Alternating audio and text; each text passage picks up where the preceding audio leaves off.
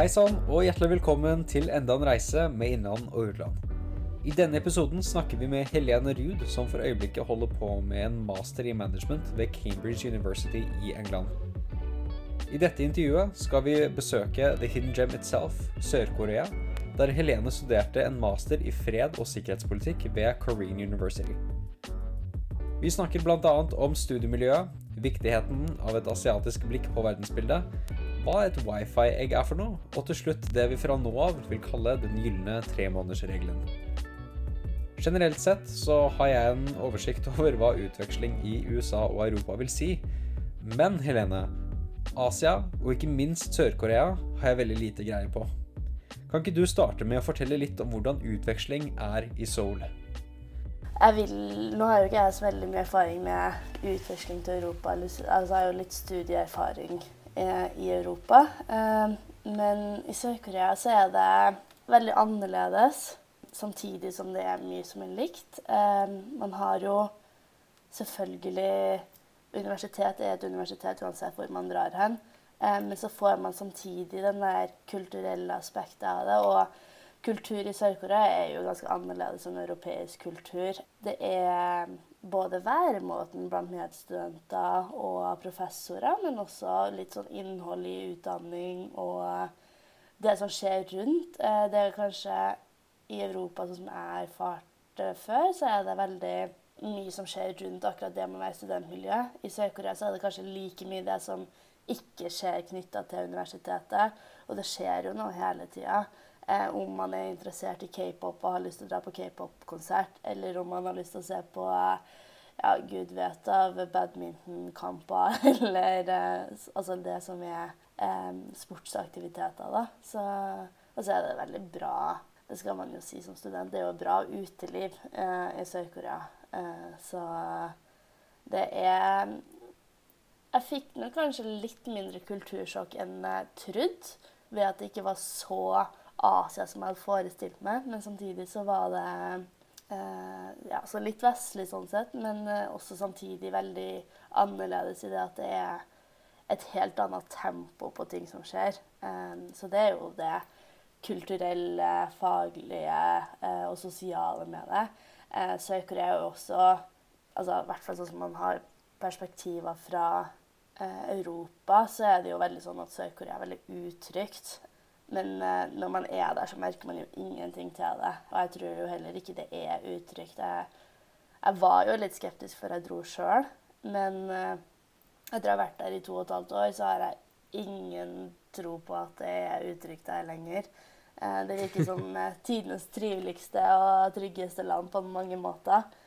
Så ja, det er nok kanskje en litt sånn skjult perle, vil jeg si. Både kulturelt, at det har uh, mye ukjente aspekter som vi kanskje ikke vet så mye om uh, fra før. Og så har de nok vært prega av litt sånne her fordommer om at uh, det er ganske uttrykk for at Nord-Korea er sånn her og sånne ting. Så har, man, måtte, har det forsvunnet litt mellom mm.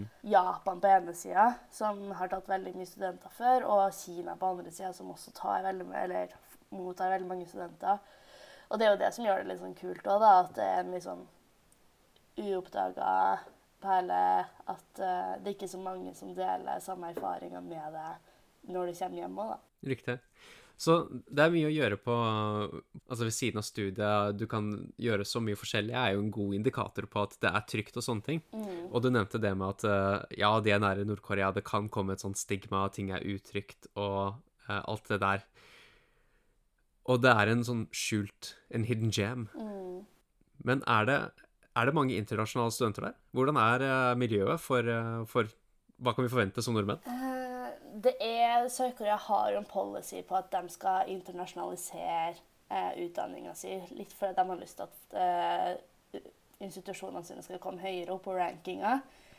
og da har jo internasjonal anerkjennelse en stor del. Så det gjør jo også at det er flere og flere fag som tilbys på engelsk, som er på en måte åpen for eh, utvekslingsstudenter og fulltidsstudenter. Eh, men samtidig så er man i en liten sånn god internasjonal boble når man er der. Eh, spesielt Seoul, som er der flesteparten av norske studenter er, er jo en melting pot av eh, kulturer og eh, nasjonaliteter. Så man eh, får Og det er vel kanskje det som jeg syns har vært det kuleste med å være Solo. Du får litt av den koreanske kulturen, og du får koreanske professorer og litt innblikk fra deres side, og også har koreanske eh, klassekamerater som ofte har et helt annet syn på verden enn det du kanskje tar med deg sjøl. Men så har du også hele verden inne i klasserommet. Um, så, og så er det i hvert fall for utvekslingsstudenter så er det jo utrolig mye som skjer av litt sånn fadderordninger og sånne ting. Så det er nok, eh, selv om det er en ganske mye sånn puggeskole, det skal det jo innrømmes at det er, eh, så er det et godt studentmiljø eh, som også er veldig trygt, fordi at du har andre som er i samme situasjon som deg, som er internasjonale, og så har du litt tryggheten i å være med koreanerne, selv om det ofte kan være veldig vanskelig å komme virkelig tett på koreanerne. Men det er et veldig mm, spennende studentmiljø da, med at du får så mange nasjonaliteter inn i samme klasserom. Og det den derre internasjonale identiteten som du da deler med folk fra hele verden og sånne ting, det er jo utrolig gøy å bare kunne henge sammen og gå ut på I hvert fall i London, da, så gå ut på puben og eh, Jeg vet ikke helt hva Gå på tennismatch i, i Seoul. Eh, hvilke andre muligheter er det vi har til å engasjere oss i, i det internasjonale miljøet i Seoul?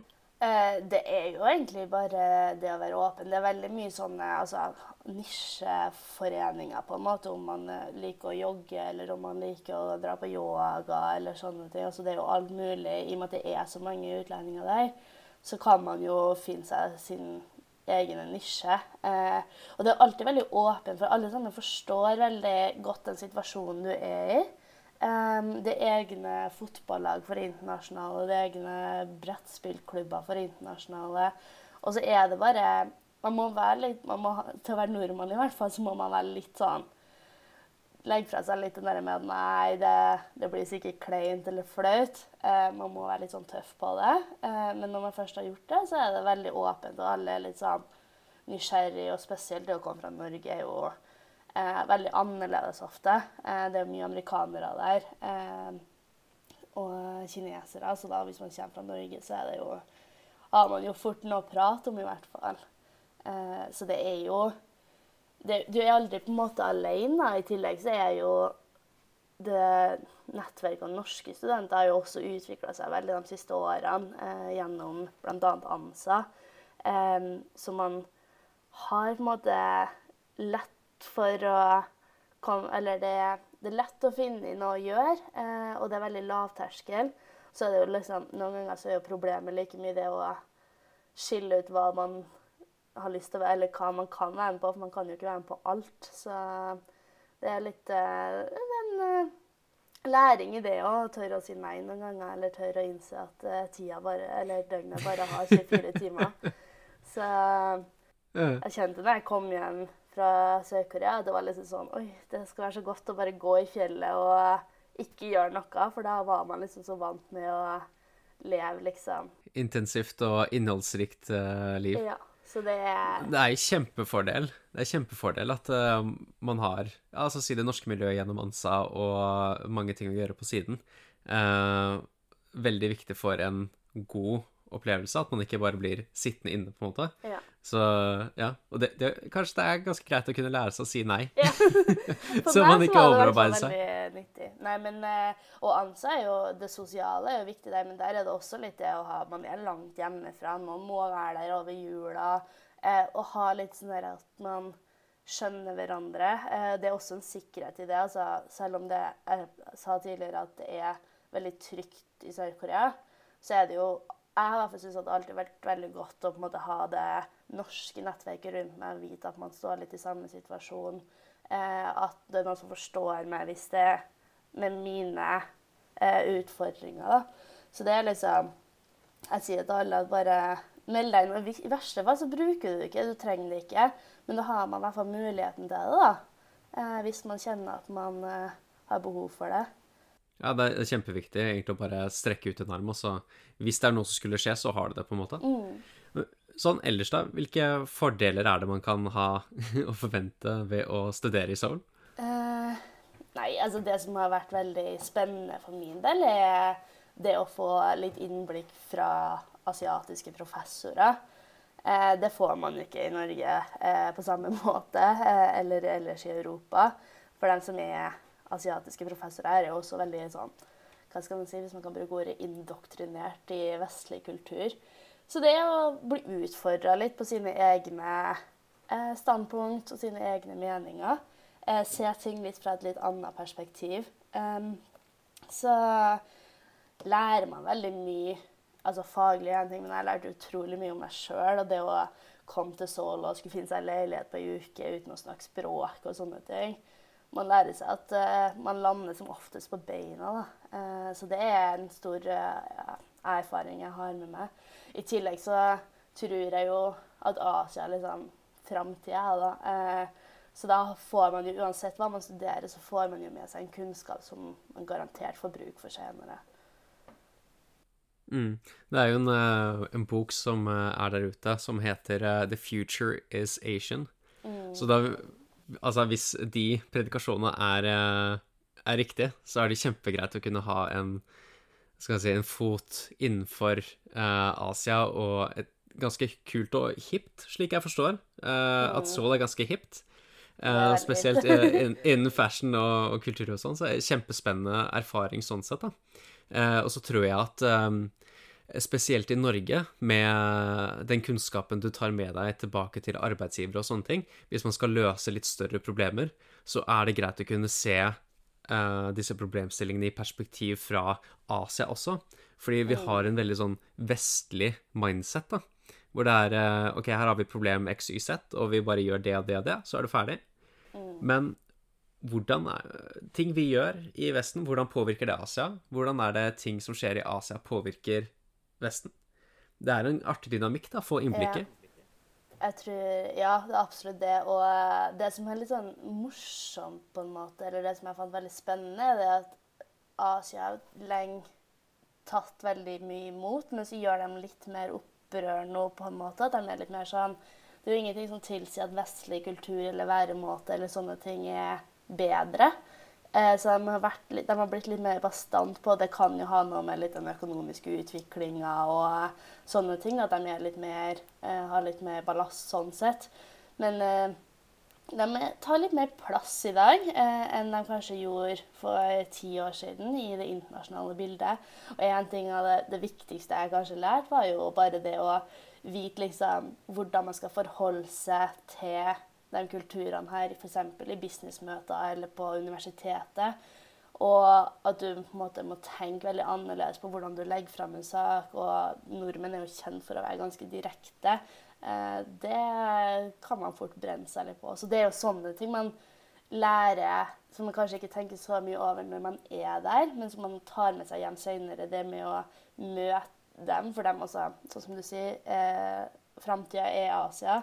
Eh, og jeg tror det er viktig for oss framover, og om vi ikke kan så mye historie altså Den er viktig, den, eller språk, men så er det veldig viktig å eh, anerkjenne dem for den eh, posisjonen de har. da, For det forventer dem, og det kommer vi til å trenge. Spesielt et land som Norge, som er såpass lite, så trenger vi å faktisk ha gode relasjoner med de asiatiske landene. Så det å kjenne det fra innsida, det er jo en ting som man bare automatisk tar med seg. Bruker man to måneder, seks måneder eller et år i Asia, liksom.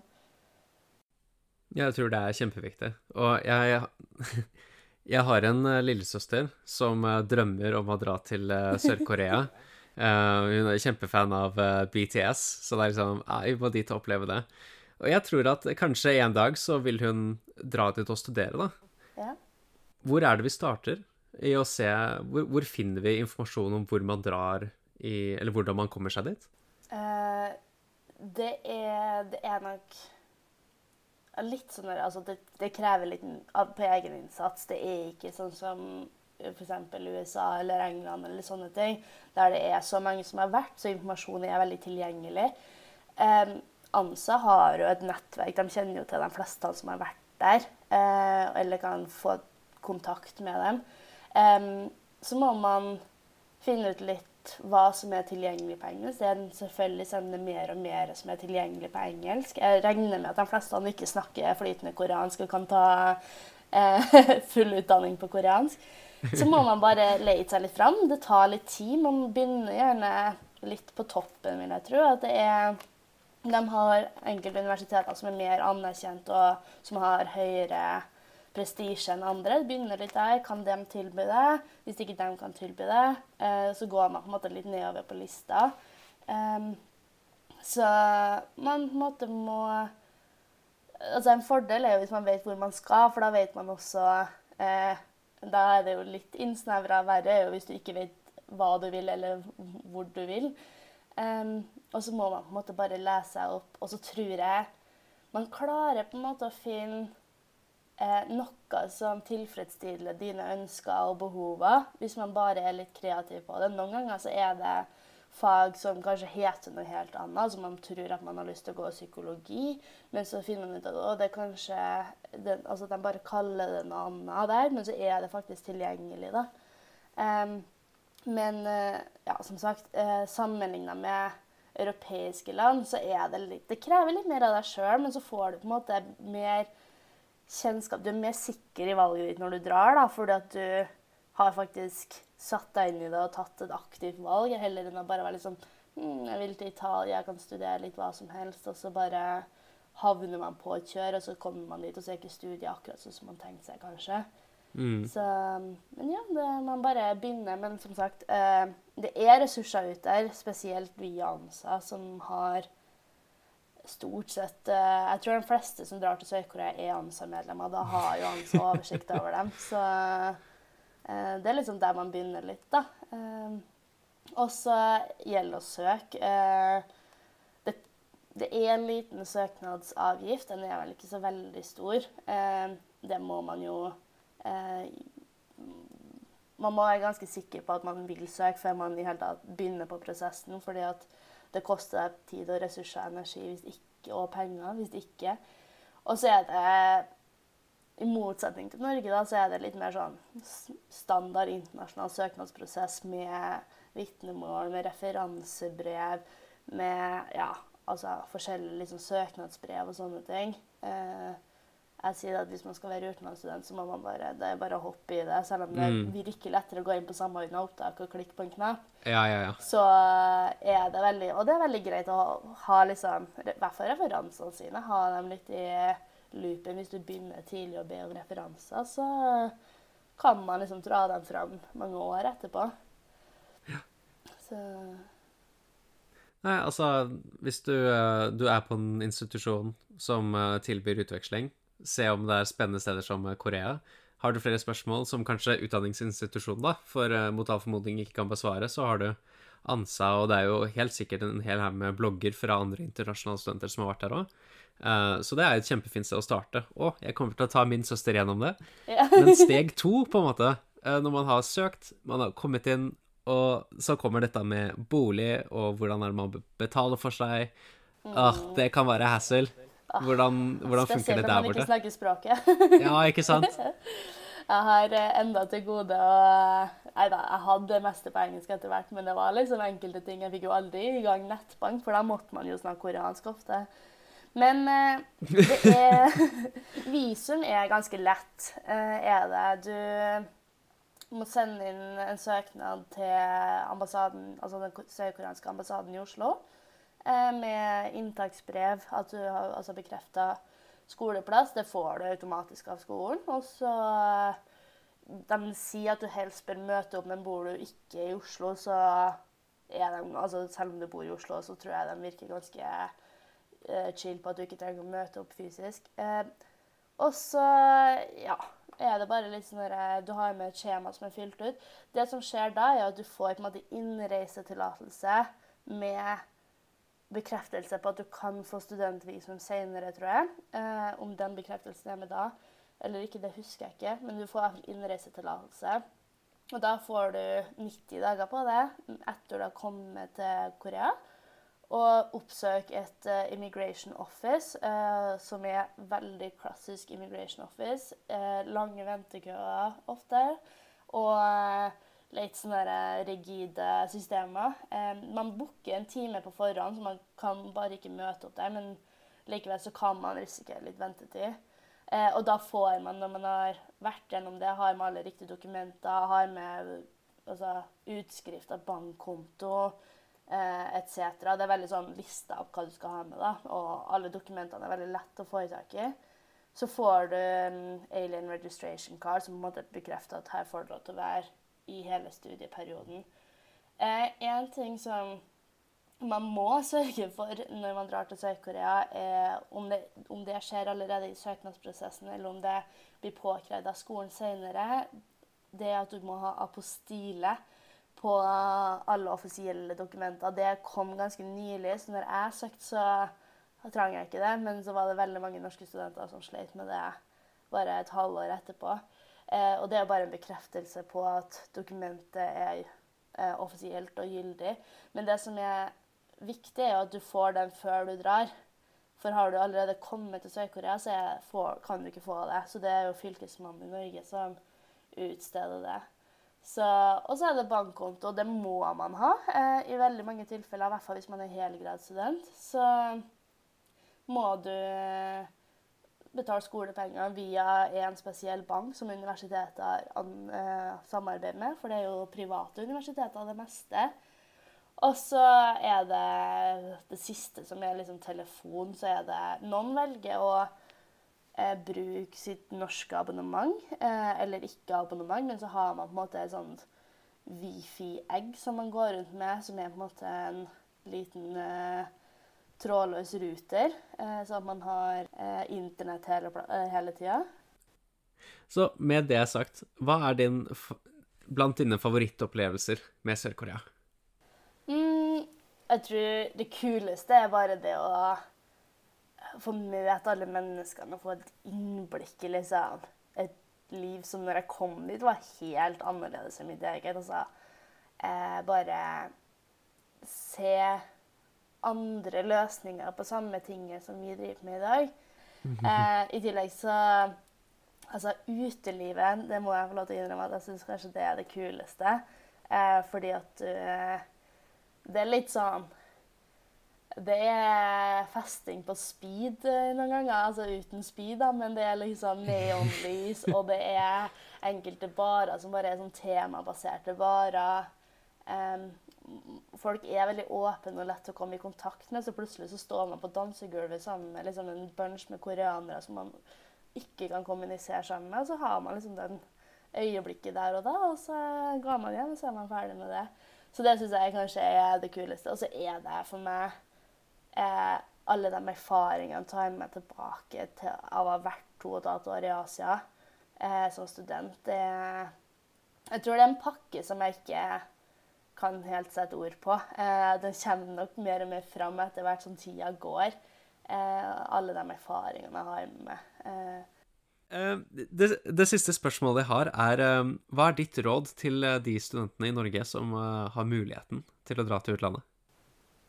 Gjør det. Tar, altså, det verste som skjer, er at du ikke trives, og da kan du alltid dra hjem igjen.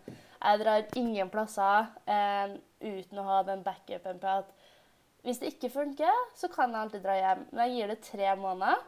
Eh, etter tre måneder så kan jeg ta en vurdering på om syns jeg det her er gøy, syns jeg det ikke er gøy. Hvis jeg ikke syns det er gøy, så har man alltid muligheten til å gi opp. Um, men da har jeg i hvert fall prøvd. Jeg, jeg, tror det er mange mange som kunne ha vært litt tøffere og bare reist ut. Valgt utradisjonelt. Vi trenger folk som har utdanning fra USA og England også. Men vi trenger enda flere som har Asia-erfaring i årene framover. Så tør å tenke utafor boksen, tør å hoppe litt i det, og så gjør det. Herregud, for et godt råd.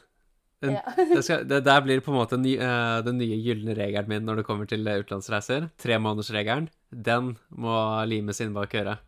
Den må Den er det viktigste. ja, det er det. Elene, tusen hjertelig takk for at du ble med på denne episoden av Innlandet utland. Dette var moro. Takk skal du ha. Takk for at jeg fikk være med. Nydelig. Det var nok en herlig samtale, og jeg håper at du som lytter kanskje vil vurdere Sør-Korea blant dine utvekslingsmuligheter i tiden som kommer. Det var utrolig gøy å få en gyllen regel presentert på podden, og jeg tror ikke det er siste gang vi hører om tremånedersregelen her på Innlandet og utlandet. Mange, mange tusen takk til Ansa som sendte Helene min vei, og tusen takk til du som lytter. Husk at det bare er å sende dine bekjente med utenlandserfaring min vei, dersom du vet at de har en spennende historie å fortelle. Finn meg på LinkedIn, eller nå ut meg på mail på dennis.k.hol.gmail.com.